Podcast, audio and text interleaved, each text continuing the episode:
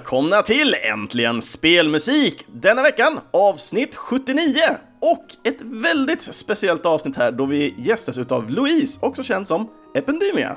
Hallå! Halli hallå! Allt väl med dig? Allt är väl med mig. Hur är det med dig? Det är eh, faktiskt lite småtungt men ändå hyfsat bra. Eh, jag har fått lite dåliga nyheter men som sagt, Aj, aj, aj. Man, får, man får ju pressa på egentligen så, så gott man kan eh, här i livet. Liksom, man kan liksom inte bara kära ner sig eh, allt för djupt. Men eh, utöver det så är det faktiskt bra med mig. Ja men det är gött det. Ja men ibland får man faktiskt eh, sjunka ner lite innan man tar sig upp igen. Mm. Och eh, den här veckan så ska vi ju ha ett litet speciellt eh, tema. Eh, ett tema som jag har valt att kalla Trekraften. Eh, och det kommer ju gå lite med att vi kommer prata om eh, Trekraften ifrån Zelda-serien, inte Trekraften i form av kristendom eller någonting. Eh, så att vi kommer gå igenom eh, mod, styrka och vishet den här dagen. Hur, hur känner du till det här och vad, vad är, hur, hur är din koppling till Trekraften till att börja med? Liksom? Alltså jag älskar ju Zelda-spelen. Det är min favoritspel, sp- favoritspelserie någonsin. Um, Link's Awakening är ju mitt favoritspel. DX-versionen var ju ännu bättre och snart kommer ju Switch-versionen den 20 september så att Jag antar att du är helt lyrisk över den då. absolut, wow. Men Ja, det har ju varit ändå lite folk som har klagat på utseendet i Switch-varianten. Vad tycker du om Köttbulle-Link? Köttbulle-Link, wow, det var ett namn jag inte hört förut. Eh, nej men alltså det ser ut som eh, små figurer i sån här, vad heter det, diorama eller någonting. Jag tycker det passar alldeles utmärkt för att eh, jag tänkte säga, ja, för det är ju ändå en dröm, så här, liksom, det kanske är lite spoiler men nu vet ni det. Yes. Jag, jag själv älskar ju eh, faktiskt utseendet på det här och visst, Köttbulle-Link i all ära, men jag tycker han är svingullig. Ja, jag tycker också han är jättegullig. Så att eh, jag har ingenting emot eh, Köttbulle-Link. och mycket av varför jag har blivit Köttbulle-Link är ju för hans eh, kan man säga, runda kroppsform. Är det ju. Så är det som små, små pinnar liksom, som sticker ut som är armar och ben. Nej men jag tycker faktiskt att han eh, liknar ju rätt mycket i originalet i Gameboy-spelet med ögonen som streck och allting. Så att, nej, men det tycker jag, det är jag väldigt nöjd med. Nej men det är supercharmigt är det liksom. Om, om jag hade haft en Switch så hade jag garanterat köpt det här spelet i alla fall. Men i dagsläget så äger jag ingen. Eh, jag sitter fortfarande och väntar på att Diablo Bundle Switchen ska bli billigare. Ah, det är då det händer alltså. Eh, Det är då det händer. Eh, Men just nu ligger den på runt en 4 500. Ja, det är saftigt. Jag är inte villig att betala för en Switch. Nej, det förstår jag. Jag vet, jag pratade med kollegan faktiskt på jobbet i fredags och han var men vad fan Chris, ska inte du ha en Switch liksom? Du som har alla andra konsoler. Jag, så här, jag har inte alla konsoler men jag är jättesugen på en Switch men jag vill ha den här specifikt Switchen. Ja men för fan, det är ju bara att ta lite sprayfärg och stenciler så har du den. Man bara, vad fan. Alltså när du köper din switchen, då kanske man har fixat alla problem också i Joy-Cons och allt vad det heter. Så att det är smart att vänta. Ja, det kan nog säkerligen vara så. I värsta fall så kan, eller i bästa fall kanske de till och med släpper någon ny Diablo. Inte för att jag tror det, men man kan ju hoppas alltid. Ja, eller en bättre switch kanske. ryktas om kanske det. Kanske. Ja, det gör ju det. det, gör ju det. Yes, eh, men du är ju med i en annan podcast vanligtvis också. Jag tänkte du kan få på den lite nu innan vi drar igång allting här med Trekraften. Yes, två stycken faktiskt. Eh, Först så hamnar jag ju i den här Nördliv. Eh, en podcast som pratar om nörderier av alla slag. Gud, nu, nu lät jag precis som introt till ett avsnitt här. Men i alla fall, alltså det är ju ett gött gäng på typ runt 17 personer som eh, både pratar i podcast men även har eh, artiklar, recensioner och allt möjligt på hemsidan nördliv.se. Eh, väldigt skönt gäng. Det är bland annat eh, Bombi är med. Yes. Ja. Eh, Jag, jag, jag har fortfarande lyssnat på ett musikavsnitt, men jag har fortfarande inte kommenterat det. Jag, jag känner mig jättedålig över det. nej, nej, precis. Jag vet Bombi skrev att bara, "Ja, nu lyssna på avsnittet och så kommenterar du efter. Och jag, jag har lyssnat igenom avsnittet, jag gillar avsnittet, jag får fortfarande inte kommentera. Ja, just det. Det var ju ett sommaravsnitt som eh, vi spelade in för Nördliv. Det var ju jag, jag Joel och Bombi, Martin Argenius. Eh, sen så är jag ju med i en eh, annan podcast också, en eh, mindre som jag och min eh, sambo Erik har. Erik är ju också med i Nördliv för övrigt. Eh, och den heter Nöjesrummet. Och där pratar vi eh, mest om eh, eh, filmer vi har sett antingen på bio eller utanför bio. Och så försöker vi hitta några lite underliga nyheter också och slänga in och snacka om. Och eh, är ni nyfikna på det så kan ni hitta oss på nojesrummet.wordpress.com. Och vi finns ju också Mm. på ja, Instagram, Spotify, ja, massa olika ställen, Twitter, du, du vet det vanliga, så här, Facebook. Och det gäller ju förstås också Nördliv. Det, det, är, det, är liksom, det är bara att googla och så hittar man oss överallt. Yes. Ja. Ja, men det, det är skönt ändå när, när kan man säga, lättillgängligt. Jag, jag visste det så. Alltså tänk förr så liksom, man var tvungen att först kolla sig en tjock gul telefonkatalog och så ska man liksom ringa någon expert och så, liksom, och så ska ja. de ha tid att prata. Gul, och... Gula sidorna är så här blotten... Eh. Ja, precis. Och så var det de här telefonerna, liksom, ska man ta en siffra i taget för den här cirkeln, den här skivan, liksom. Mm. Åh nej, nu gjorde jag fel, då får man börja från början. Men det var... Lägga på telefonen. Ja, precis. Det här, det här är jobbiga problem kids. Ja, precis. Ni kan It was relatera. a thing back in the day. Ja, nej, men det, är- alltså man har ändå så glada minnen till det. Speciellt så här när man tittar på typ Bingolotto back in the day och så hörde, hade man liksom det här djungeldjuret Hugo. Ja. Eller Hugo-trollet rättare sagt. Ehm, och, och så hörde man liksom kidsen, man hade ju knapptelefoner också, det började ju bli populärare då, men det fanns ju fortfarande de som hade den här snurrtelefonen så bara, ja men nu ska du trycka sexa. man liksom, de drar, man bara, you will never make it dude. Precis. Och då kunde man inte vara med heller i de här äh, spelen som fanns på tv heller. Så här enkla Nej. spel där man styrde, ja den här karaktären Hugo till exempel i, Ja. ja, Som bara svängde typ höger och vänster Precis. ungefär och kanske duckade. så ska man sitta där med snurrtelefonen. det blev jättemycket lagg. Liksom. Ja, verkligen, verkligen. Men nu var det ju inte Hugo vi skulle prata om, så vi får återgå här till eh, Zelda då, då som eh, då är, för när jag väl eh, tog kontakt med dig för att gästa det här avsnittet Mm. så frågade jag liksom, vi- vilket tema kan du tänka dig att vilja prata? Och du var väldigt snabb på bollen med att vilja prata om Zelda. Det var det enda jag kom på. Ja, det, har man bara Zelda på huvudet också och älskar den serien så absolut så ska man ju önska den ändå. Ja, precis. För det, då, då, då kommer man ju hålla det extremt nära hjärtat. Jag, jag vill ju säga Eh. redan nu då, liksom att tro inte att jag är någon expert på Zelda eller någonting och jag har Nej. jättedåligt minne så att det kommer vara mycket gissningar säkert genom hela podden också så att... Men jag tar vad Ja, jag men det- tror jag minns i alla fall. Det, det är som det blir för mig ibland, lite så här små killgissningar för min Ja, del. precis.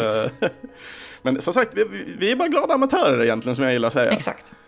Som sagt, vi, vi gör det här för att vi är passionerade och vi älskar spel framför Mm. allt. Och sen eh, blir ju här, musiken lite bonus vid sidan av liksom. Får jag fråga hur din Eh. egen relation till Zelda ser ut? Min egna relation till Zelda är faktiskt eh, sporadisk, skulle jag nog kunna säga som bäst. Eh, jag, eh, med tanke på valet av eh, temat Trekraften så har jag ju valt eh, formen av att vi kan ta eh, musik från alla Zelda-spelen istället för att gå in på något speciellt och djupdyka till exempel något. Eh, anledningen av det är för att jag själv eh, har ändamål att faktiskt gå in djupare på Zelda-serien eh, i vissa segment. Eh, så att eh, musiken som är idag kommer ju spelas från flertalet olika Zelda-spel. Jag tror vi bara har låtar ifrån unika spel den här dagen faktiskt. Jag tror, ja det har vi. Eh, så att för min del så är några av de låtarna som jag har valt är spel också som jag inte har spelat. Eh, Så det här Ah. kommer bli jätteintressant. Det, du, du som har listan redan kanske kan börja säga gissa vilka spel har Chris inte spelat? Eh, Men också spel som jag har spelat. Så att, ja, det här kommer bli väldigt, väldigt intressant för min del. Eh, Men framförallt också är ju musiken till Zelda-spelen väldigt speciella och eh, underbara på många olika sätt. Och jag tror mycket av det här kommer vi gå in på ju mer vi kommer lyssna på låtarna i det här avsnittet. Så att, eh, vad känner du? Är det dags för första låten kanske så vi kan börja hoppa ner i vad som då är våran trekraft? Ja, men jag tycker det. Ska vi eh, börja med lite Hyrule Temple kanske?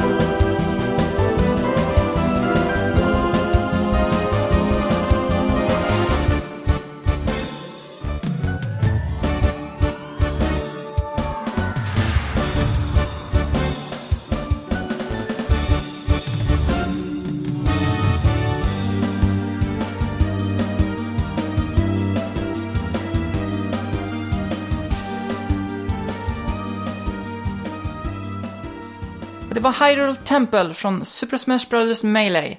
Det här är ju då en eh, originalremix i Melee-spelet. Fast eh, originallåten av den här eh, låten hur lätt det är, originallåten av den här låten. Kommer kom mm. från Zelda 2, The Adventure of Link till Nintendo 8-bitars. Mm. Och då var det en som hette Akito Nakatsuka. Eh, som i spelet heter Sukasan, som gjorde musiken. Mm. Så det var inte Koji Kondo den här gången, utan Ooh. Jag vet, wow. Och den som, och den som gjorde den här eh, remixen till Melee heter Shogo Sakai. Mm. Eh, du bad ju mig att ta ut låtar som liksom var baserade på trekraftens olika delar och det här är ju då mm. modets trekraft för mig. Eh, mm. Det var inte helt lätt, jag gick igenom eh, väldigt många låtar men så kände jag att hmm, Adventure of Link har ju väldigt mycket med modets trekraft att göra för att själva mm. mm. storyn går ju ut på att Link ska ta med sig kristaller till sex olika tempel för att sen visa sig värdig eh, att få modets trekraft mm, i sin ägo så att han kan eh, väcka den eh, gamla prinsessan Zelda som har legat i dvala eller i en förhäxad sömn i väldigt, väldigt många år. Mm, eh, mm. Men sen så känner jag också när jag spelade det spelet, jag kanske var 9-10 år, så mm. det krävdes lite mod i de här luriga templen också kände jag, för att det var inte helt lätt. Fick ju... Nej, det är tålamod och mod, mod i tålamod. Så att... Dels är det ju ett äh, ganska svårt spel och sen så var det ju lite labyrinter också, för att mycket ser likadant ut också i de här templen. Så att jag kommer ihåg att jag ritade lite kartor och sånt här också. Mm, mm. Men, men det förhöjde upplevelse. Eh, ja. Sen, sen, lider väl också just Zelda 2 lider väl lite av uh, uh, translation-problem också, mm. vill jag minnas. Så att uh, ibland när de kanske säger liksom It's in the West så är det faktiskt in the East, typ. Ja, det, det tvivlar jag inte en sekund på. Alltså det, det känns som det var så i många gamla spel, Castlevania 2 till exempel också, att det var lite mm, problem med mm. translations. Liksom. Men, men det kanske tillför ett mystiskt element. Vad vet jag? Ja, absolut. Men vi, vi, får ju också väldigt humoristiska och egendomliga eh, saker som kommer av translations ibland. Till exempel i Zelda 2 så har vi ju I am error som är en klassiker. Precis. Och det är ju hilarious att gå och snacka med honom hela tiden. Ja, ja men det är en klassiker. ja, men verkligen. Eller if, uh, if everything else fails, use fire. det är mitt livsmotto. ja, det är helt amazing. Jag, jag själv har ju inte spelat Zelda 2. Mm. Uh, mer än typ First Person-varianten som kom som någon så här rolig grej uh, för ett tag sedan. Så det, det fanns en sån här browsergrej du kunde spela Zelda 2, början av spelet, i First Person. Men saken är att du går fortfarande omkring liksom på liksom en, en en pinne så att säga, liksom, så det är fortfarande 2D liksom. Mm. Men när du väl hamnade liksom i den här öppna världen, då sprang du runt i den öppna världen lite snabbt och sen hamnade du i random encounter som bara kom.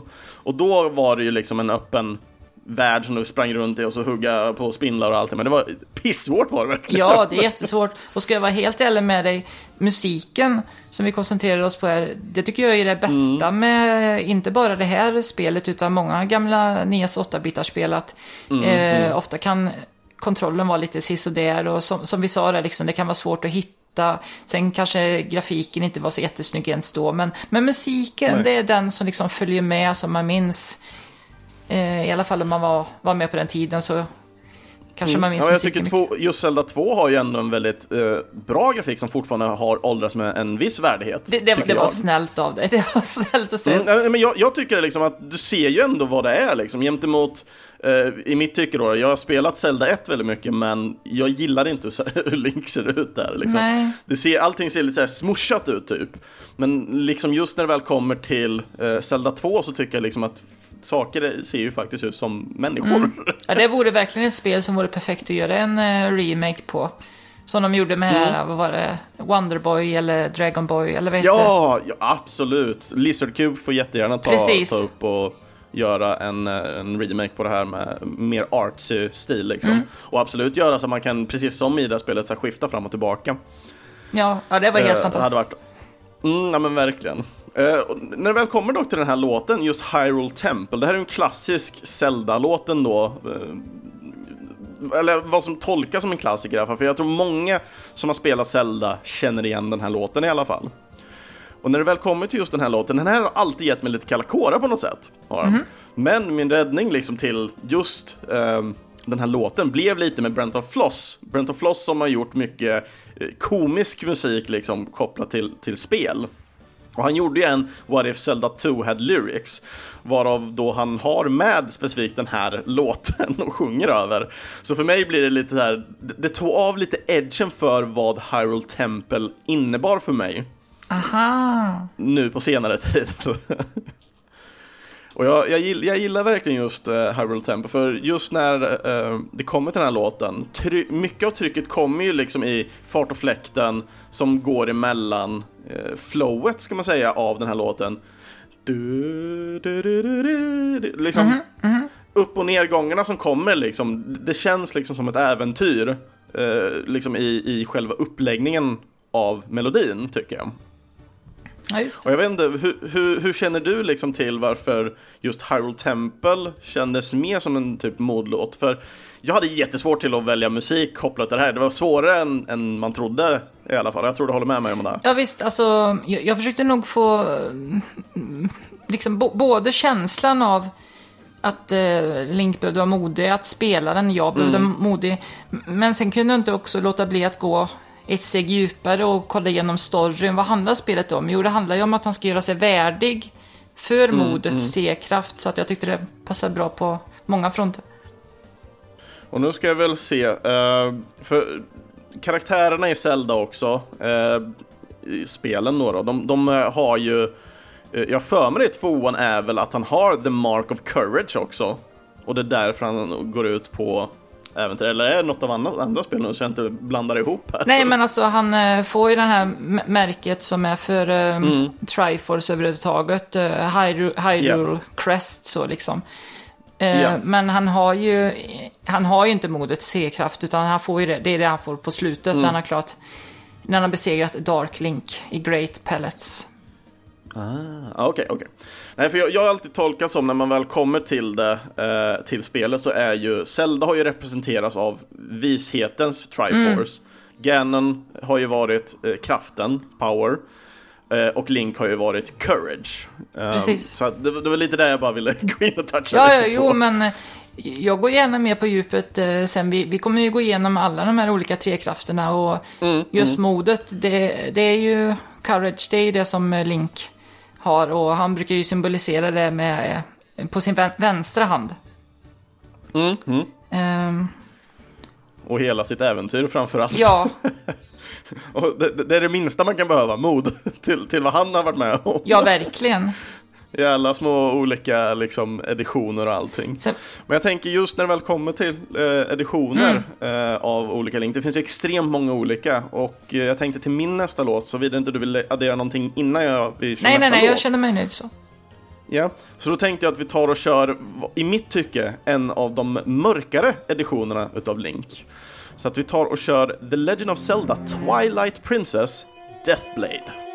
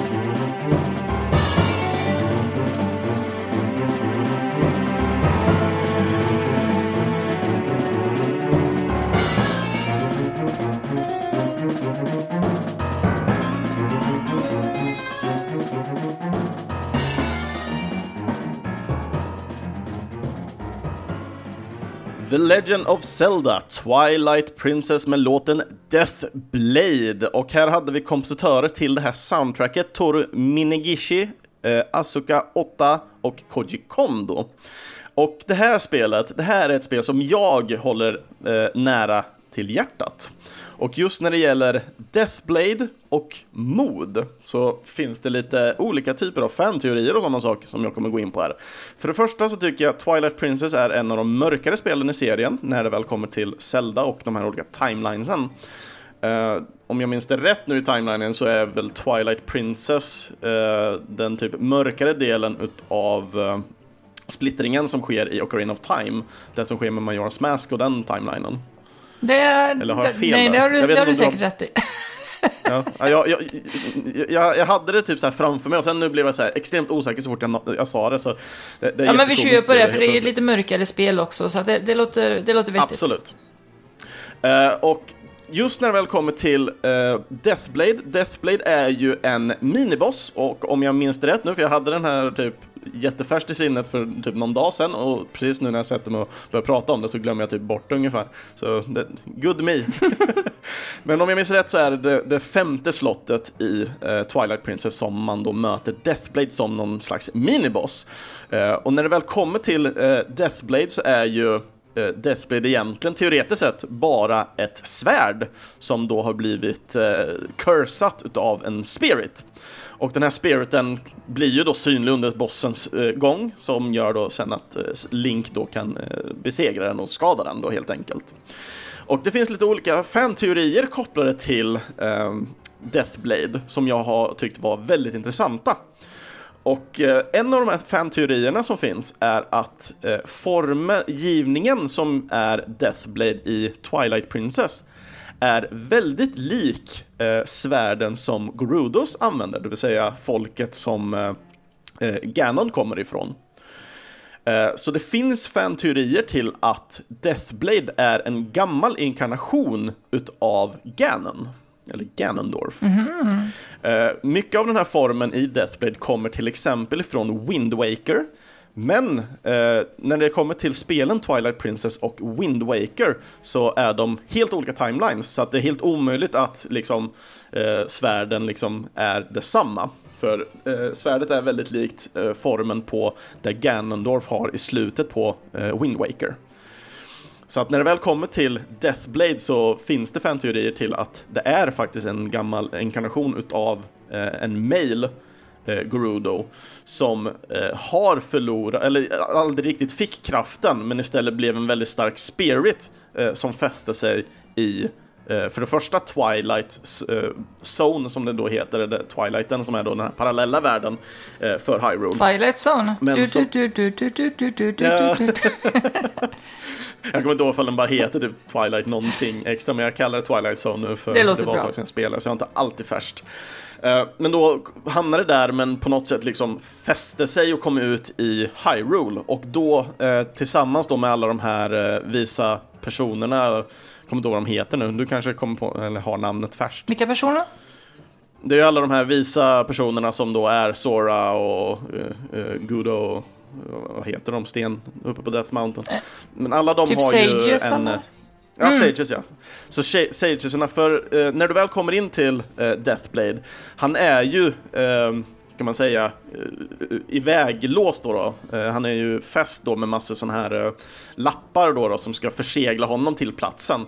Men när, när Link då kommer till den här platsen så lyfter sig svärdet som att silet är försvagat och på så sätt då har brutits ut. Så att över tiden då från att Sagersarna, eh, de dåvarande Sagersarna, eh, hade låst ifrån Deathblade, eller då den gamla Ganondorf, eh, så har nu förseglingen blivit så pass kass att när Link kommer så släpps den fri och då vill hämnas återigen då på världen. Såklart. Jag, jag tyckte det var en väldigt intressant fanteori. Det, det är fortfarande bara en fanteori, så det är ingenting som 100% stämmer eller någonting. Och det, eh, när det väl kommer till information på Deathblade så finns det typ bara en enda sektion som nämner Deathblade i hela Hyrule Historian-boken. Mm. Så att det finns inte jättemycket information att gå på mer än typ hur svärdet ser ut och egentligen hur eh, karaktären Deathblade ser ut. Heter han Deathblade eller Death Sword? För jag har skrivit upp lite grejer jag hittat på nätet här men Jag tror det är kärt barn med många namn. Blade Sword är ju basically ja, samma sak. Ja, det är det faktiskt. Så du kan absolut dra din information om uh, Death Sword slash Death Blade. Jag skri- alltså när jag hörde låten, uh, jag har ju spelat Twilight Princess uh, ett par gånger, mm. både på GameCube och sen Wii och sen den här HD-versionen som kom till Wii U. Men eh, mm. jag kommer inte ihåg just den här specifikt. Men det är ju minibossen för Arbiters eh, Grounds. Mm. Eh, och den är ju väldigt eh, läskig. Det är ju som ett spöke med ett enormt svärd så att... Yes.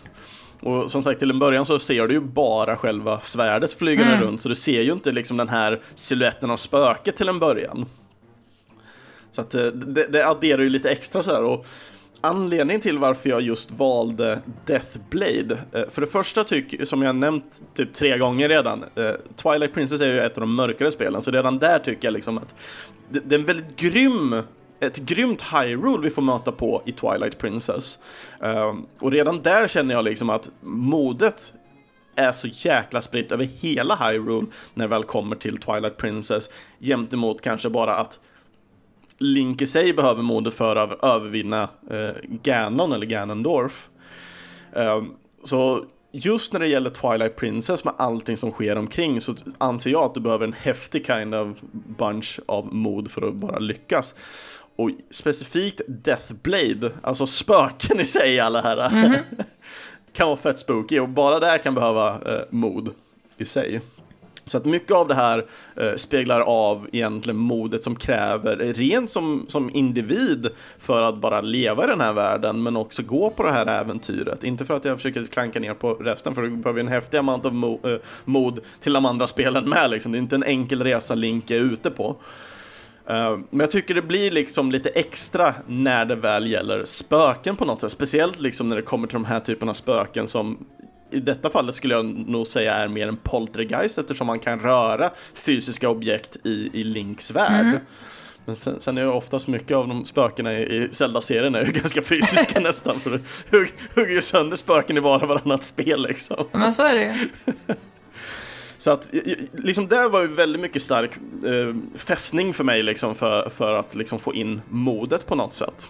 Eh, och sen då när det väl kommer till musiken, den här har ju en väldigt tryckt känsla tycker jag. Och jag tycker den är liksom spöklig på det här på grund av de mörka och dova tonerna som den här är.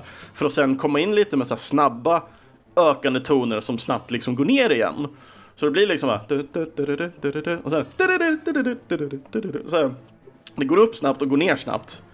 Och sen håller den sig där liksom en stund för att sen liksom klanka upp igen efter några sekunder. Mm. Och på det sättet ger det en väldigt tryckt känsla för mig i alla fall när jag lyssnar på just specifikt den här låten. Så jag, jag, vet inte, hur kände du när du lyssnade på det här? Alltså, jag kollade ju ett klipp eh, där jag även såg bossen samtidigt. Och mm. ja, men det var läskigt och fick ta mod till mig för att se färdigt videon. Nej. ja, du, du, har ju ändå spelat det här spelet minst tre ja, gånger. Ja, precis. Då, och ändå så kommer jag inte ihåg den. Det är helt otroligt. Han, han, han var inte någon man kom ihåg då Nej, inte för mig. Alltså det, det är, väldigt, det är väldigt stort hur... spel, det är väldigt mycket mm. att komma ihåg. Absolut, det här, det här är ju ett av de längre mm. Zelda-spelen som jag har spelat i alla fall. Uh, nu är ju inte jag så jätteberest inom just Zelda-spelen tyvärr, så att du får nog svara mer på den här ifall det är ett av de längre spelen. Men det här spelet är ju ändå lite speciellt för att jämt emot de andra spelen jag har spelat i alla fall, så är Twilight Princess till en början ett av de sämre spelen. Mm. Jag älskar Twilight Princess på grund av att man spelar igenom hela spelet. Men början, de första tre templarna, är så sjukt tråkiga liksom. Allting som bygger upp liksom till, till vad som är de första tre templarna. Jag tröttnade faktiskt på, på spelet till en början tills, jag, tills det var typ någon... Jag lyssnade på någon uh, review typ på... Uh, vad fan hette det nu då? Uh, Sonic and the Secret Rings. Och då sa han att ja, det här spelet är likadant som, som uh, Zelda Twilight Princess. Att det blir liksom inte bra förrän till tredje slottet. Liksom. Där var det då tredje världen. Och då var det så här, men fan jag är ju på tredje slottet just nu. Så jag, jag hoppade tillbaka till Zelda då och körde, liksom pressade mig igenom tredje slottet. Och sen helvete vad storyn tar, tar vid där liksom. Och, jag bara satt som helt förtrollad efter det här gjorde jag. Alltså jag, jag minns att jag hade delade känslor inför Twilight Princess. Det finns vissa saker jag tycker Mm. väldigt mycket om. Till exempel, jag tycker att det, har, eh, det spelet har ett av de bästa, um, jag vet det, ja slotten, om man säger så då. Eh, Du pratar om Ja, men slottet, eller? designen i dem och så är liksom över- överhuvudtaget. Jag tycker de är väldigt bra. Så är det. Eh, Mm. Men sen tycker jag att de här partierna med vargen tycker jag är ganska tråkiga och jag känner bara hela tiden att Mm. jag vill bli Link igen och kunna röra mig fritt. Jag vill inte liksom vara tvungen att vara varg i vissa partier. Så här liksom. jag, jag vill bli... Jag vill Mm, känna friheten och kunna röra mig fritt och det kommer ju mycket senare i spelet. Så här. Man låser ju upp område Yes. för område. Så här, och, men när det väl händer så är det finns ju jättemånga roliga prylar till exempel och de här skorna till exempel och det används på ett väldigt smart sätt i det slottet till exempel. Och, Mm, och då har ju tempel vattentemplet där när du får leka ja, och det, runt med det var mycket skorna. roligare än det i Ocarina of Time till exempel. Och, Mm, mm. Ja, det kan jag hoppa så det, så med. liksom är, det finns mycket jag tycker om i det men det är också mycket jag tycker är lite jobbigt. Till exempel det är något parti när man ska, vad är det, transportera någon tunna med vatten eller någonting om jag minns rätt. Och så Ja, det kommer det fiender och gör sönder och då får man börja om igen och det var... Så att, Mm. Vad, vad tyckte du om partierna till exempel när man eh, red runt på Hyrule Field liksom, och fick eh, kö- köra de här skjutsegmenten? Ja, så man, är, liksom, man är tvungen pil? att träffa de här fienderna och sånt där. Nej, det tyckte jag inte om. Det är också sådana här exempel på någonting jag inte tycker om i spelet. Så att, Ja, det, det är vissa så segment eller mm, mekaniker som de la in liksom, som på något sätt ska mm, på något sätt ska liksom ge en äventyrskänsla, men när du har sprungit runt 30 varv på Hyrule Field bara för att du är jättekass på att Mm. sikta, då, då liksom förlorar man lite den här äventyrskänslan, då blir det bara så här typ tidigt och så man känner sig riktigt kass bara istället. precis. Så att på det här sättet så då- förlorar man, vad fan tar mitt motvägen? Ja, då, då borde det komma som i moderna Nintendo-spel. Då borde det komma ett assist-mode eller någonting. Luigi dyker upp Ja, och hjälper dig. Så här, liksom. Det hade varit amazing faktiskt.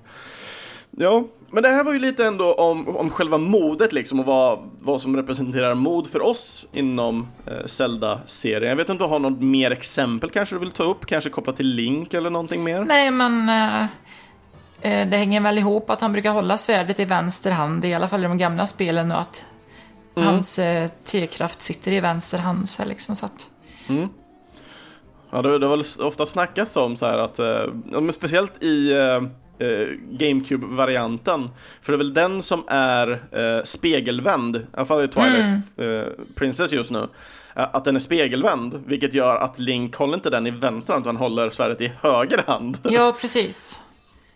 Vilket, jag jag för mig det är det, det är antingen det eller om det var ehm, Twilight Princess som är den spegelvända. Det, det, det är den som du säger, han ska ju hålla det i vänster men han Ja. håller det höger i något av spelen i Sen alla har fall. han ju in, inte Triforce of Courage i alla spel heller, så att i vissa Nej. spel nämns ju inte ens Tri- Jag tror inte det nämns Triforce i Twilight Princess. Man ser trianglarna och sådär, fast jag tror inte ordet Triforce med i Nej, spelet. jag, jag tror, det är väl mycket mer fokus, om jag minns det rätt nu, på de här eh, The Twilight Mirror som den heter, som du ska samla delar till. Man, man har ju till exempel en tillbakablick där man ser de här gudinnorna lämna de här trianglarna och sånt där. Och, fast fast, Mm, fast själva ordet Triforce tror jag inte finns med. Så att, Okej. ja. Ja, det, det är intressant. Men eh, överlag så, så nu har vi gått igenom två stycken spel, två stycken låtar. Eh, så vi har tagit lite på eh, Zelda 2 och Twilight Princess i dagsläget då. då. Och eh, nu blir det lite tillbakablick för det här, med tanke på att du valde en låt från Super Smash Bros så tänkte inte jag så mycket på vilket spel egentligen låten var ifrån. Ah, Så nästa låt ut är faktiskt från Zelda 2 också. Jag säger ju att det är bra Och- musik i det spelet. det är svinbra musik. Och jag har faktiskt tagit en remix här då från Maika. Och han har gjort då en remix på låten som vi då kommer att lyssna på här, som heter Battle.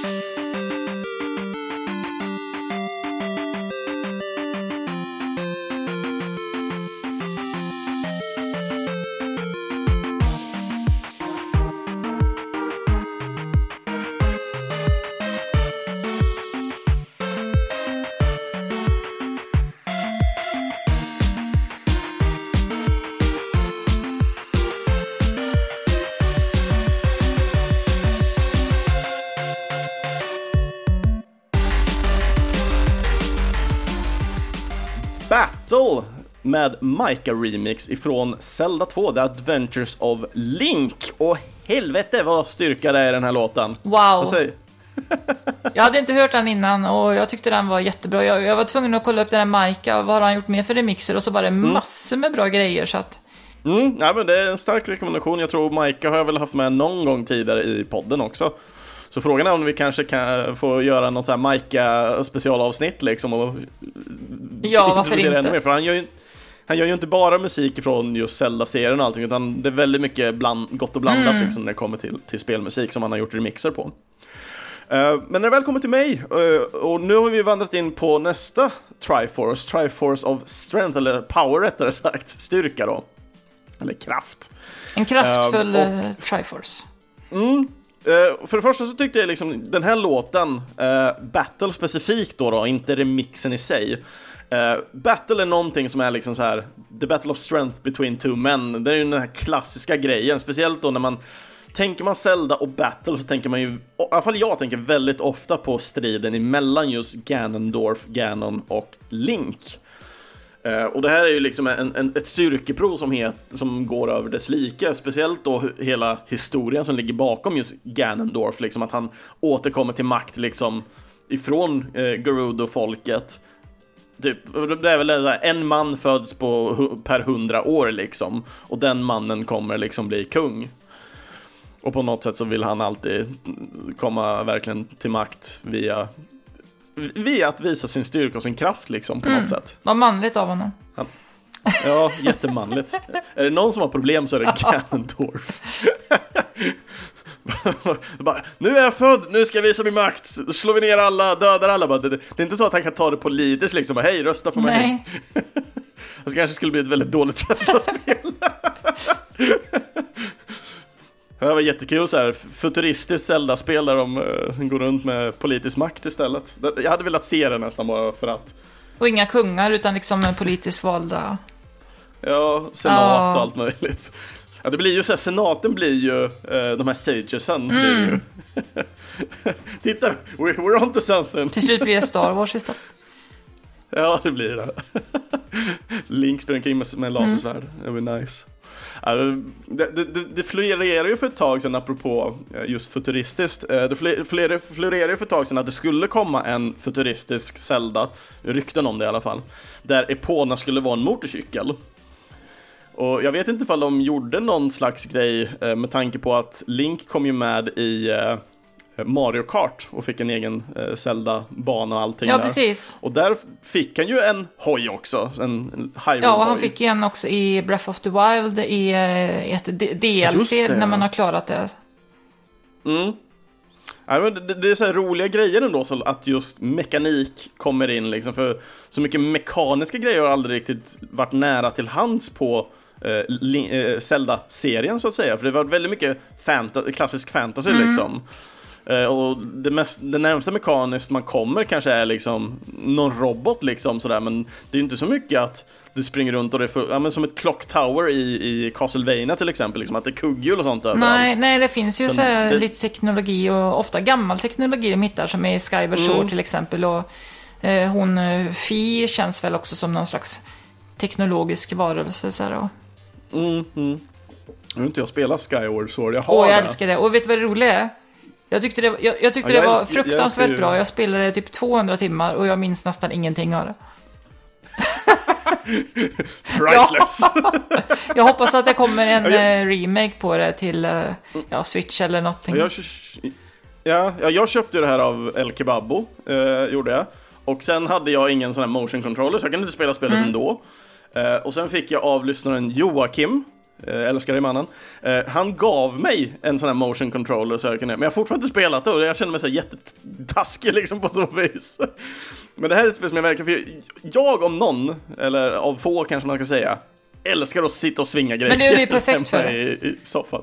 Ja, Ja. men exakt. Så liksom, jag, jag sitter och är så här svinglad liksom i min soffa när det väl kommer till Wii-spel och allting. Jag tycker det är svinkul medan andra säger jag hatar att svinga så här, jag gillar inte det här. Och sen då när man säger, ja men beroende på hur du svingar så kommer Link svinga det likadant. Jag blir så här, "Ah!" Ja, det är kanske sanning med modifikation för att äh, det, är inte, det är inte alltid ett, ett liksom, där man gör Nej, det som händer. och ibland med vissa bossar, jag menar herregud, en av de tidigaste bossarna när man träffar på den här Girahim, eller vad hette, liksom, gud, jag har aldrig varit så svettig under ett tv-spel liksom.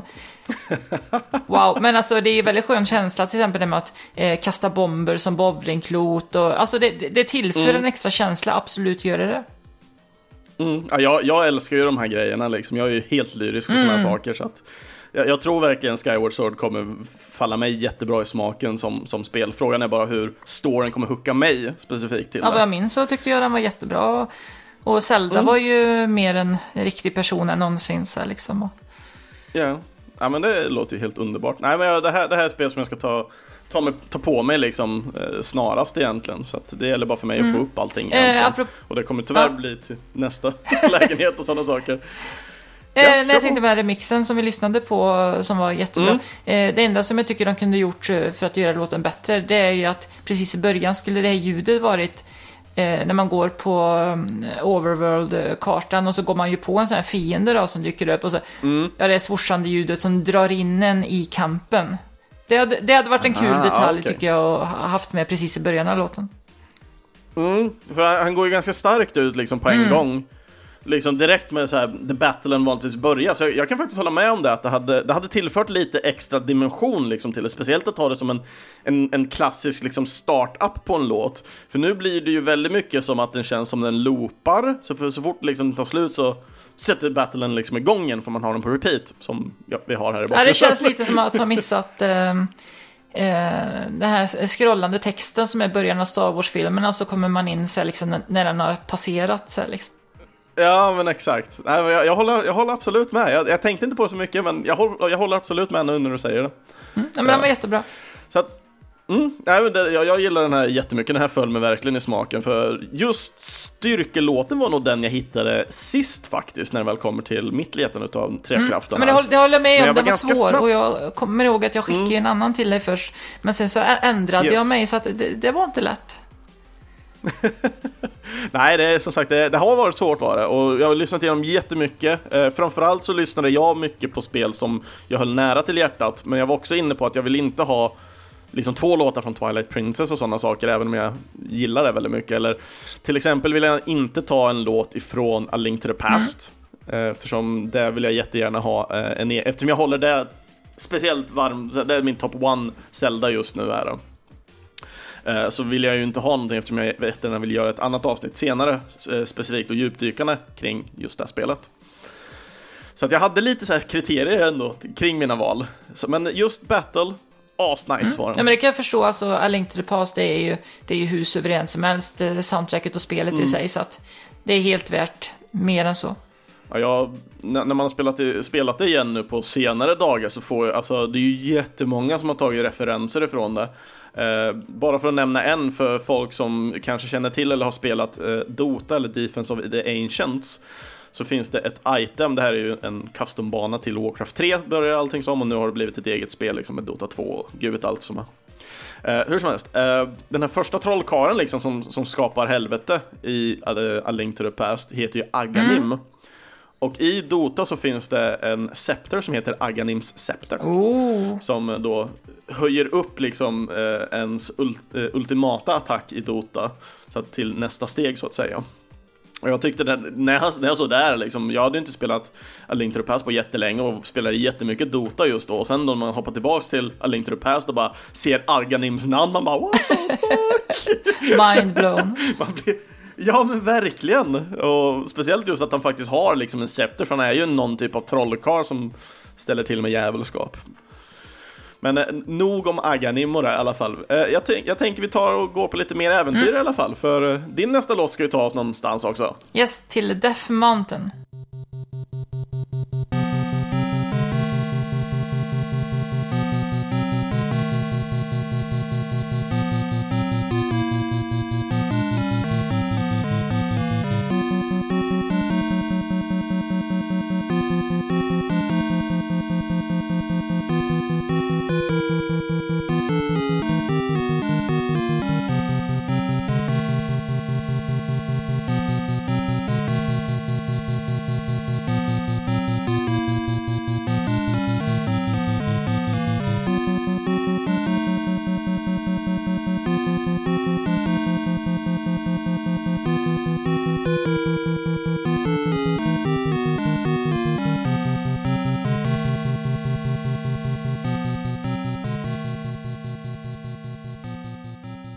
Mountain från The Legend of Zelda till uh, NES.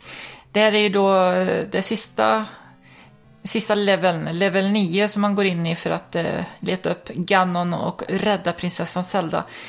Um, jag tänkte lite så här att styrkans trekraft, det är ju den som Ganon har, eller som man stal mm. i, i spelet enligt storyn. Och sen så måste han ju också eh, fixa alla de här åtta delarna av trekraften. Eh, vishetens trekraft som eh, Zelda delat mm. upp. Och när han har skaffat dem då, då kan han ta sig till Ganon. Och sen när han besegrar Ganon så får han styrkans mm. trekraft. Så jag kände att det var lite sådär uh, Ganon och styrkans trekraft passar bra ihop. Och även att just den här mm. låten uh, är den mest scary i spelet också. Ja, den är ju verkligen skrämmande när man alltså, bara lyssnar på den. Det är ju en riktigt tryckt känsla liksom. Jag, jag, jag, skrev själv här, nu pratar vi ångest i spel eller musikform. Ja, och inte minst när man var liten. Eh, jag var väl typ nio år när jag spelade igenom det och jag tyckte den var jätteläskig. Det tycker jag nästan fortfarande.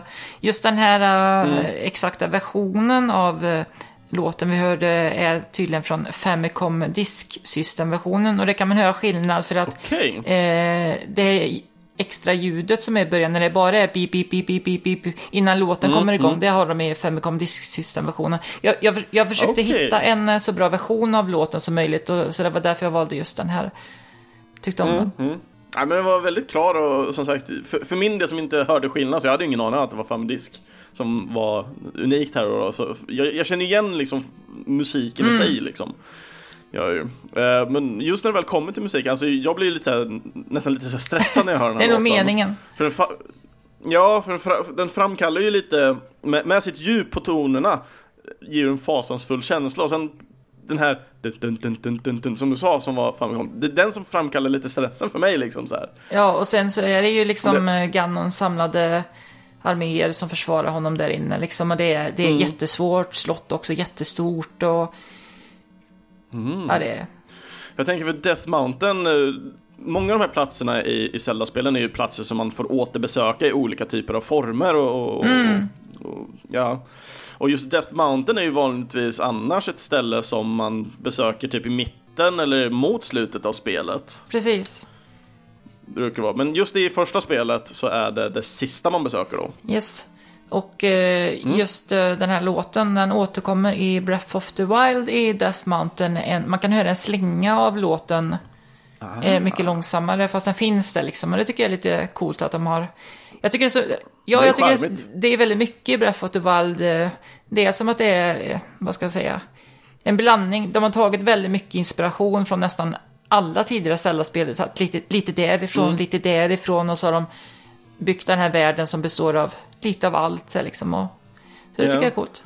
För överlag annars när jag lyssnar på soundtracket till Breath of the Wild eh, Väldigt mycket av det känns ju annars som det är väldigt eh, atmosfäriskt mer än musik. Nu är ju visserligen Death Mountain ger ju en viss typ av atmosfär med, men det känns ju mer som en låt än någonting som bara finns där som ambiens Precis, nästan. det har ju det har ju gått mer åt det hållet och är det så stort och öppet mm. spel som är Breath of the Wild så skulle man nog tröttna på om det är någon eh, slinga som är en minut lång och sen loopar hela tiden, sen någon poplåt mm. eller någonting. Så att jag tycker det, de har lyckats väldigt bra med musiken, men att påstå sen att det inte finns musik i Breath of the Wild, det, det finns det gott om. Yeah.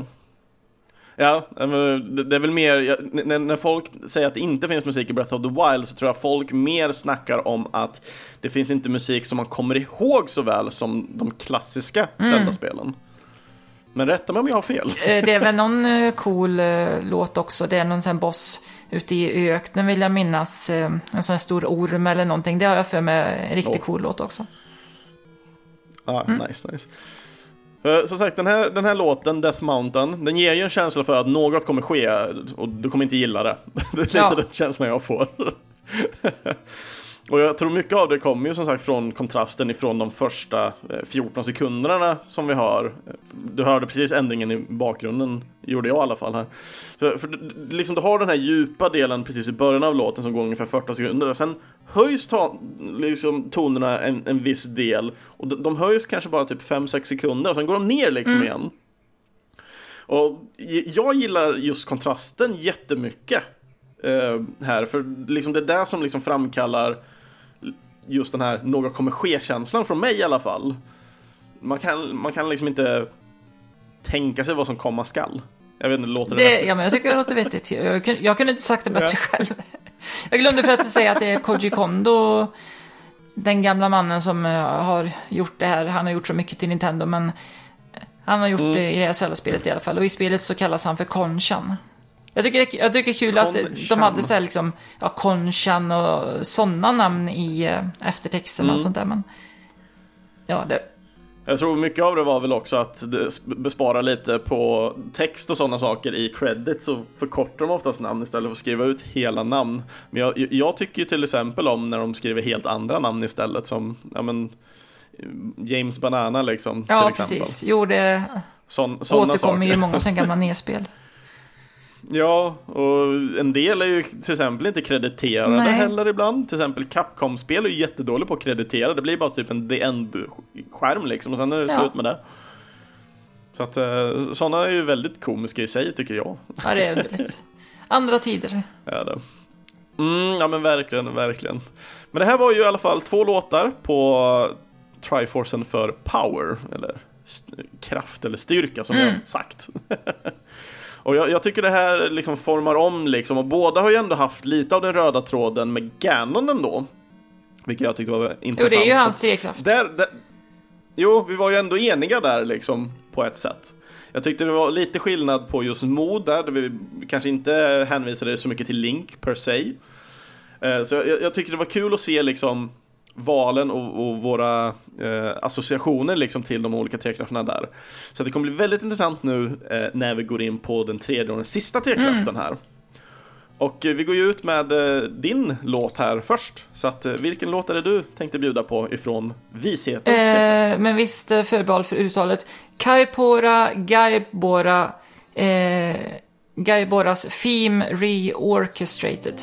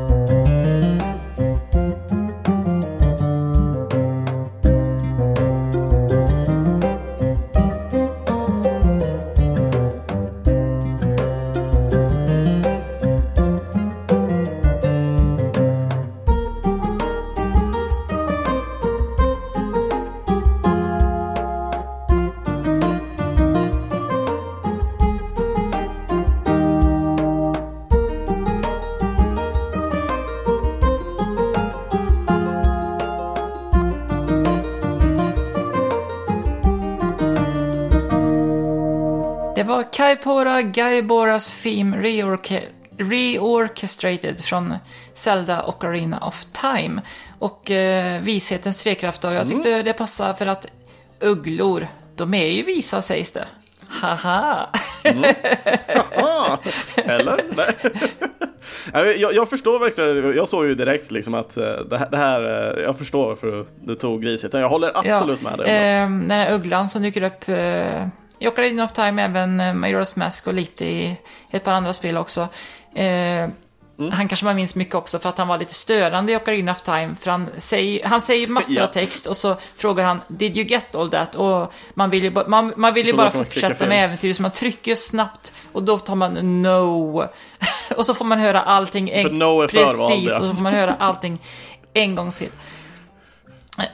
Så man, så man minns den här låten som irritationsmomentet i spelet. Men jag, jag tyckte om den här remixen för att den gav lite, tyckte jag, Final Fantasy 9-vibbar. Det är lite svårt att förklara men det var någonting i... Nej, jag, jag förstår. När jag, jag, när jag skrev ner liksom vad jag tyckte och tänkte om den här låten, jag skrev väldigt kort och koncist. En härlig låt som ger mig ett nobelt intryck. Nästan lite av en upptempad vals nästan. Skrev jag. Ja, jo, men det var, det var, stämmer väl tycker jag. Och det är ju Koji Kondo då, som också har gjort musiken här. Eh, inte remixen dock. Eh, remixen är Nej. gjord av någon som kallar sig eh, Hoops and Hip Hop. och som har gjort många bra hittade jag på YouTube-kanalen där. Det var för övrigt det sis, sista spelet tydligen där Koji Kondo stod för eh, alla låtar. Han har gjort fler Okej. låtar, fast det, det var sista Spännande. spelet han gjorde alla låtar i Ocarina of Time. Och sen den här, Men sen Ocarina of Time, vad blir det? 90, typ 98. 6 eller något sådär? ja, 98? eh, det är ett tag sedan. Ja, det, Vi är gamla nu. Eh, och den här ugglan då, Gaipora, eh, det är ju egentligen eh, Rauru, det är The Sage of Light i Ocarina of Time som befinner sig i Sacred Realm. Och det är ju hans eh, uggleform som hjälper Link genom spelet. Och det är ju lite där också jag tycker visheten kommer in, för han går ju in som någon slags, ska man säga, guiding light. För har man problem att hitta till nästa grej så kan man oftast få lite tips och tricks Precis, från honom. då kan det behövas en Eh, uggla. Ja, nej men exakt.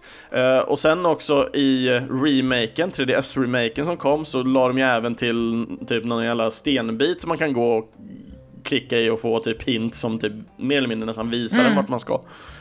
Som tydligen inte var jätteuppskattat, men jag bryr mig inte. Nej, och jag tyckte, Jag, jag tyckte det här spelet kan vara lite confusing ibland, så jag, inte för att jag använder det någon gång, men jag förstår att det Ja, kan jag tar hjälpa. alla hjälpmedel som finns och ska man spela det här spelet då ska man ju absolut spela det t- 3DS-versionen, det är den bästa. Ja, idag liksom, framförallt, i, i, som många vet redan den här podcasten, jag är ju inte en fantast av N64. Så ni kan gissa hur mycket Ocarina of Time jag har spelat i mina Vad, vad dagar. skönt att höra det. Jag, jag tycker att Nintendo 64 var otroligt överskattad. Den hade ett par, par guldkorn men sen var det liksom bara... Vad är...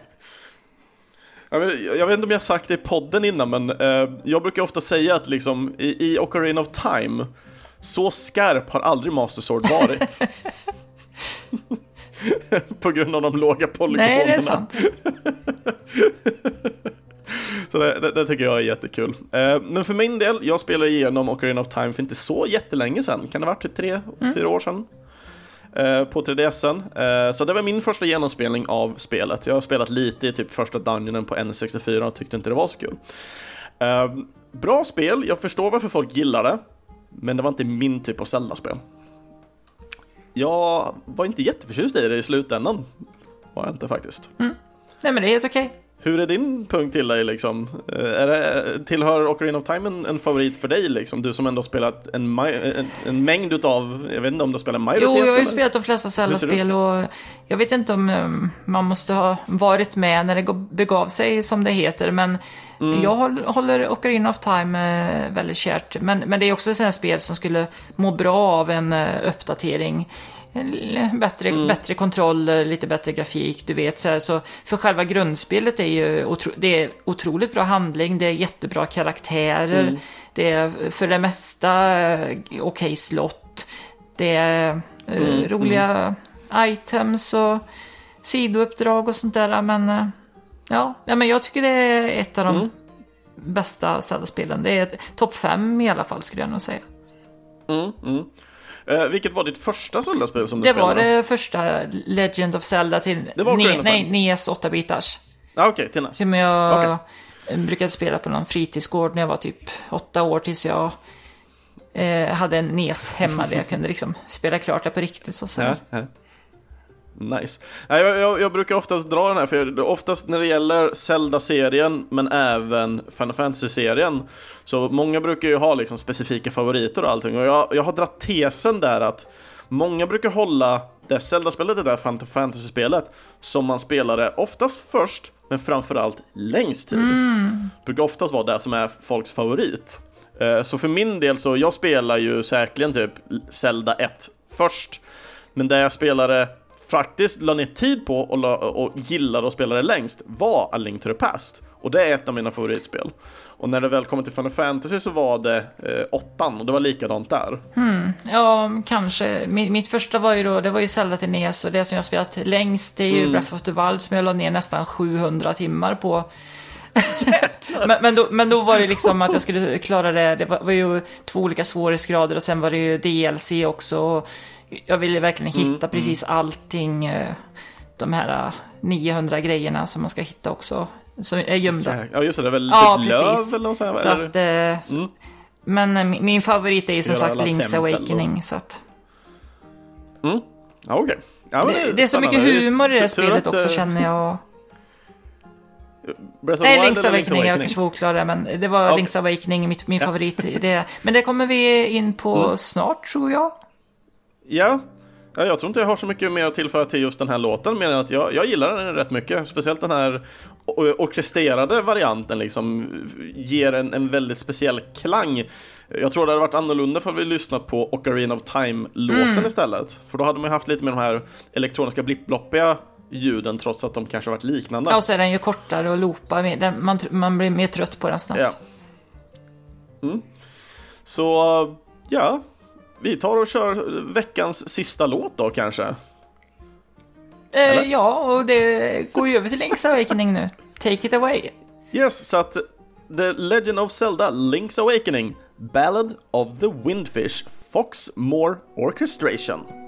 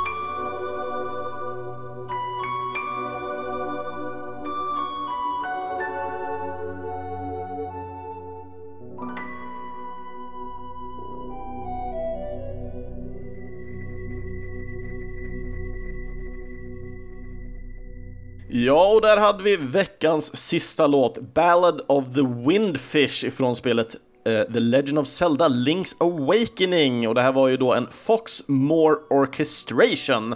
Och uh, originallåten, The Ballad of the Windfish, eh, eller soundtracket åtminstone, för jag vet inte specifikt vem som har gjort låten, men de tre kompositörerna till Link's Awakening är Minako Hamano, uh, Kosue Ishikawa och Kazumi Totaka. och Koji Kondo är bara nämnd som special thanks eh, till det här spelet. Så det här, det här var ju väldigt speciellt, tyckte jag. Jättefin eh, version, tyckte jag. Mm, nej men verkligen, alltså den här eh, som jag nämnde då när vi satt och lyssnade på den, alltså den här fick verkligen snabbt en speciell plats i, i, i mitt hjärta då, för jag, alltså just flöjten och allting liksom, alltså jag blev tagen med storm, mm. verkligen. Det blev Link också innan spelet började. ja, ja, verkligen. Uh, Link's Awakening är ett spel som jag inte har spelat eftersom jag knappt är uppvuxen med typ handhållna enheter. Uh, för de som har lyssnat så vet de om att jag uh, har en Super Wattara som basically är en typ en kopia på typ ett Game Boy Color mm. ungefär. Och det kom bara massa liksom fejkade spel liksom som var baserade på andra spel. Men tyvärr kom det ingen som var fejkat på Link's Awakening, tyvärr. Så Link's Awakening har liksom flugit mig över huvudet liksom. Jag har hört väldigt mycket gott om det, så att det här är ett spel som jag verkligen liksom ändå vill ta mig an. Så jag borde egentligen ta och köpa mig kanske DX-kassetten och sen köra den i uh, min Super uh, Gameboy till Super Nintendo.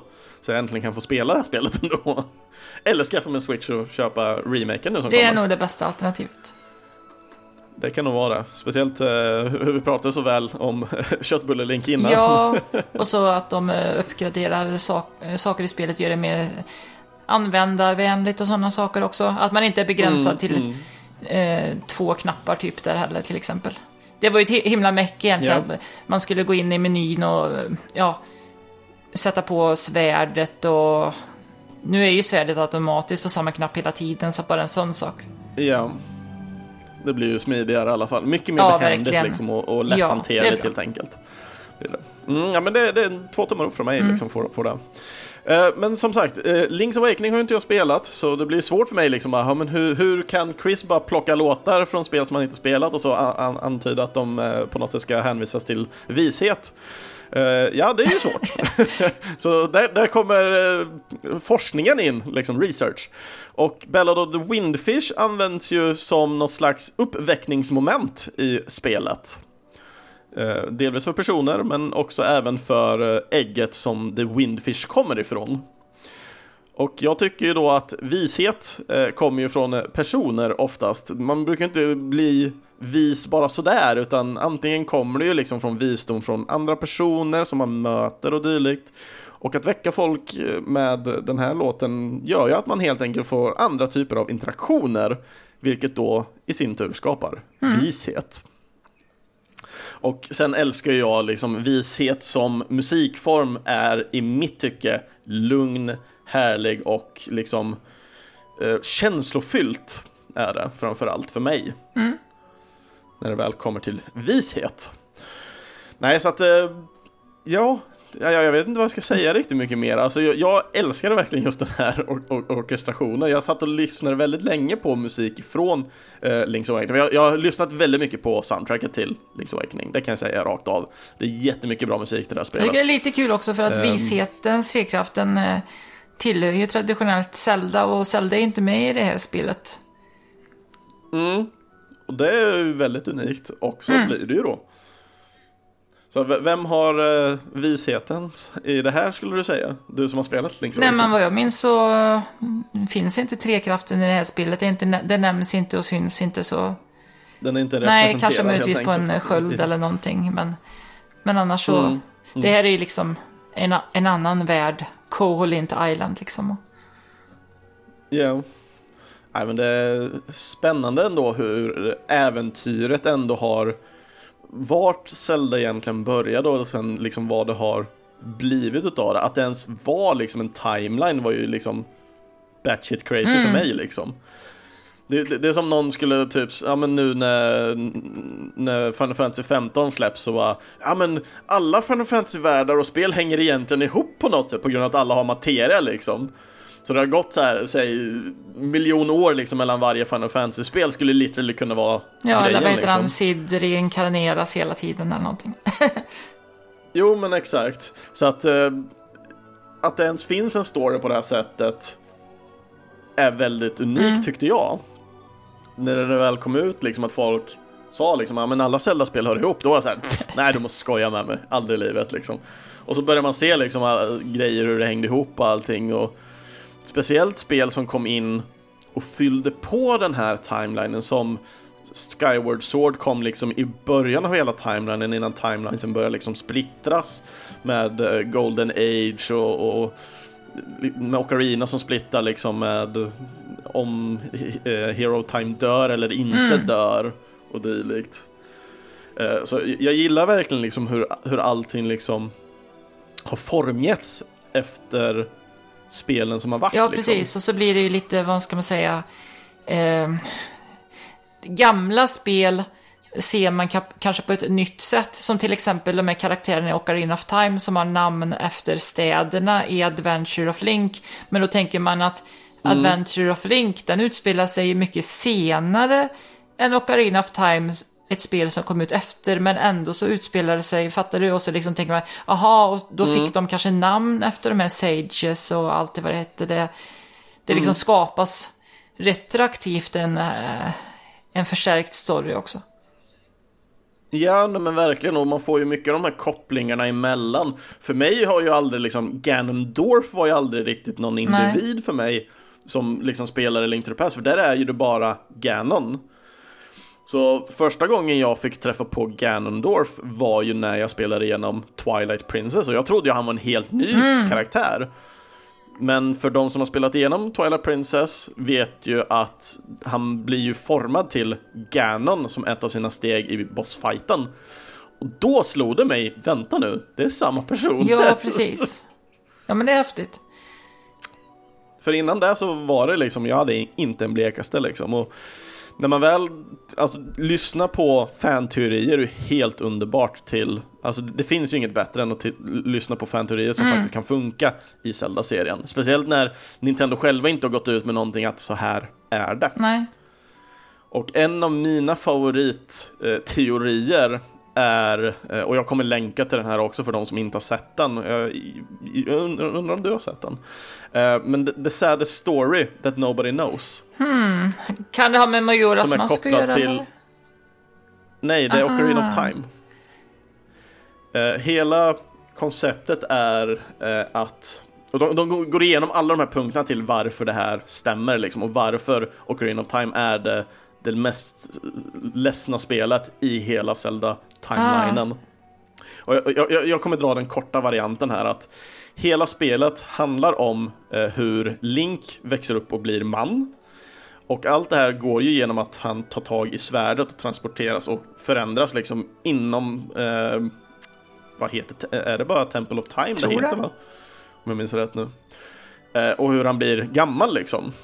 Och det enda sättet för honom egentligen att eh, typ rädda sig själv men också rädda världen är att besegra Ganon.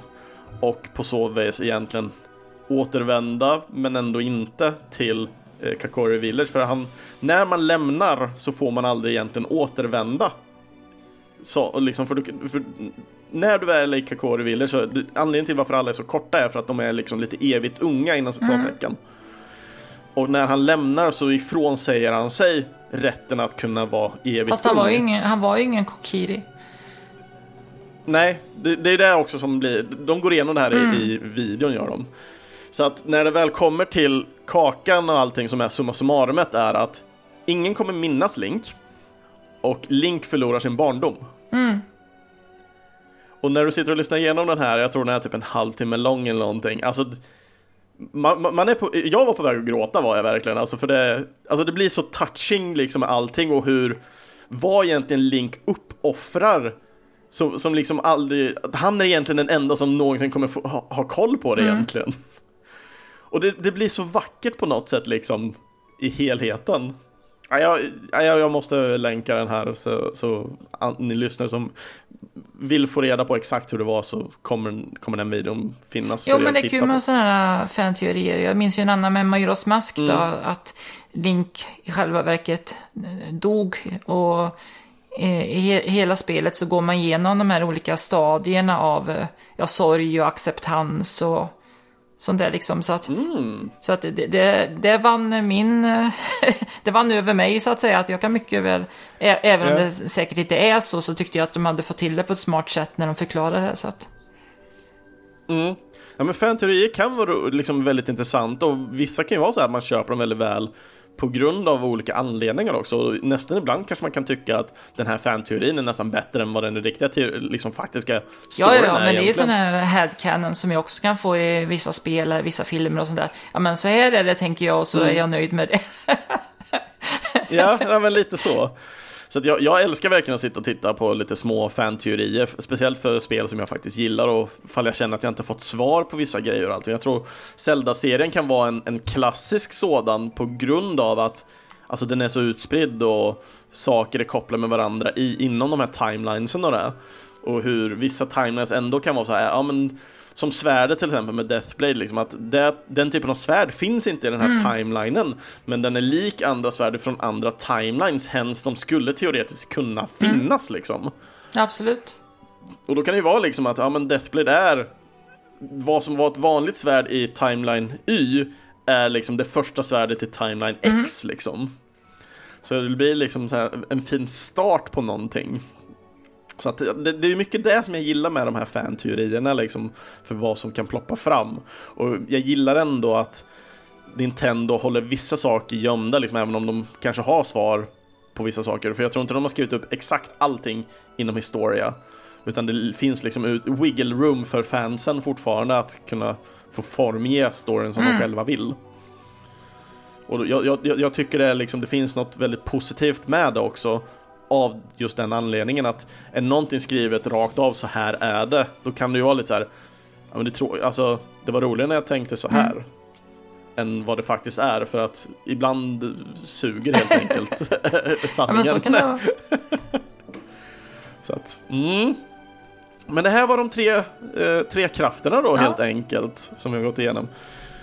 Hur, hur, känner du nu efter liksom? Efter? Ja, men jag känner mig nöjd. Alltså, det, var, det var bra låtar, det var skönt snack och, och sådär mm. liksom.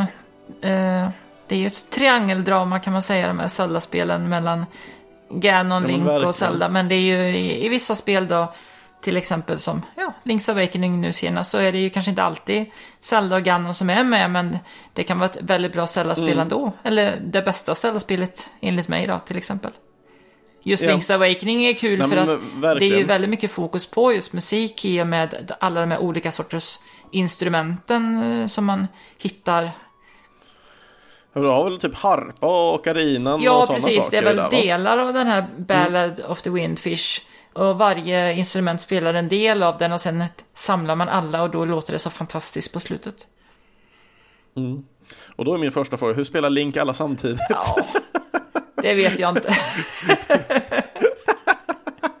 De kanske spelar sig själva, så en enmansorkester liksom. det, det kanske finns en fan-teori om det. Så här. ja, Link är egentligen en alien och 30 armar. ja. Nej, men det, det har varit jättekul att prata om, om Trekraften och uh, Zelda Tack för att jag fick vara med. Tack för att du... Ja, det var jättekul. Eh, och jag tänkte som, som vanligt avslut som det brukar vara så brukar ju alltid gästen kunna få, ja men vart kan man nå dig liksom och, och prata med dig ifall, ifall man vill ha mer snack liksom. Ja, Prata precis. Zelda, kanske. Eh, nej men eh, mig personligen eh, kan man ju hitta på till exempel eh, Twitter, eh, Ependyma Louise. Och sen eh, har jag inget eget Instagramkonto, men det finns ju Nöjesrummet då. Alltså det är Nöjesrummet som jag brukar lägga upp mm. lite grejer då och då. Och sen går det ju såklart via Nördliv.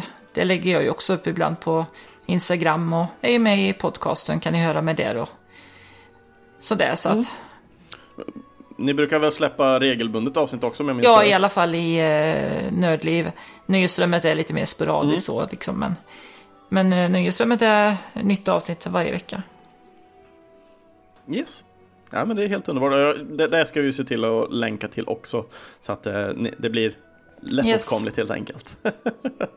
och, då, och som sagt, för, det kommer vi också länka till eh, musikavsnittet, musikspecialen mm. som ni hade.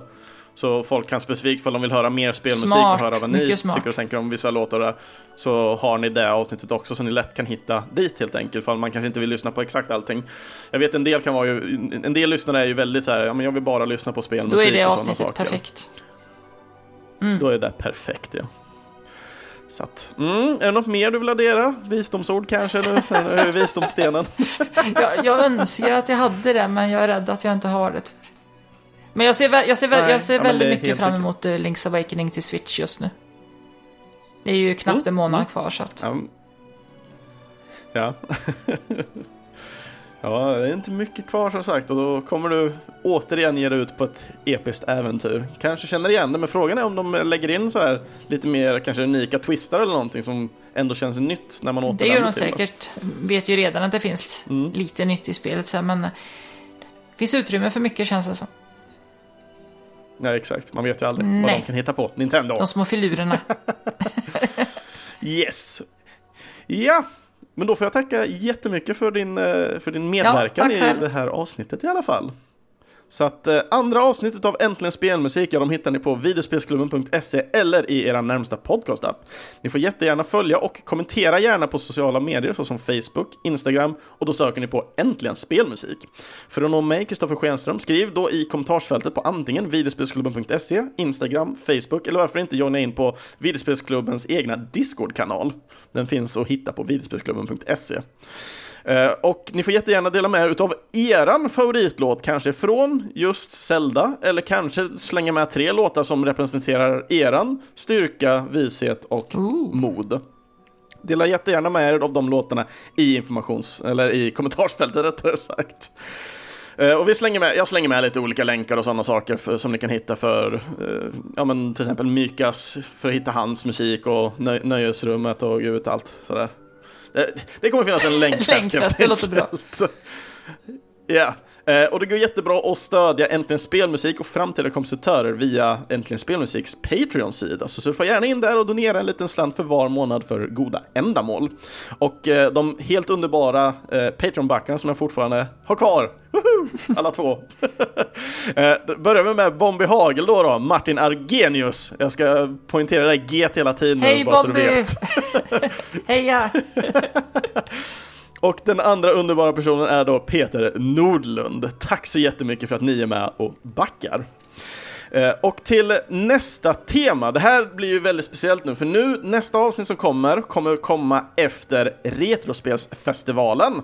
Eh, så det blir inget så special därifrån, eller kanske, jag vet inte. Eh, troligtvis kommer jag behöva superstressa ifall det där avsnittet ska komma fram.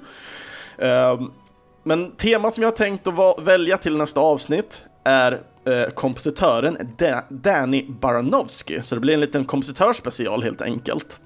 Eh, sen får vi se ifall jag kanske slänger in lite snack och sånt ifrån eh, Retrospelsfestivalen. Men Retrospelsfestivalen eh, kommer ju nu den 31 eh, augusti här nu, så på lördag som kommer när ni väl, om ni lyssnar på ett purfärskt avsnitt eh, jag kommer vara där, eh, kommer dela ut lite stickers och sånt för de som vill ha och ger ut high-fives, pratar med spelmusik, eh, spela spel kanske. Eh, vad, vad, som finns tid till helt enkelt. Det kommer vara en awesome dag helt enkelt. Kommer det. Eh, och med det så, ja. Ha det så bra. Ses vi på lördag på Retrospelsfestivalen så gör vi det. Annars så får ni se fram emot avsnittet som kommer i början av september då jag återgår till eh, ett veckoenligt schema och jag återgår till att eh, researcha en jäkla massa igen. Så att ha det så bra allesammans där ute så ses vi och hörs nästa gång helt enkelt. Ha det så bra nu. Hej då! Ha det gött!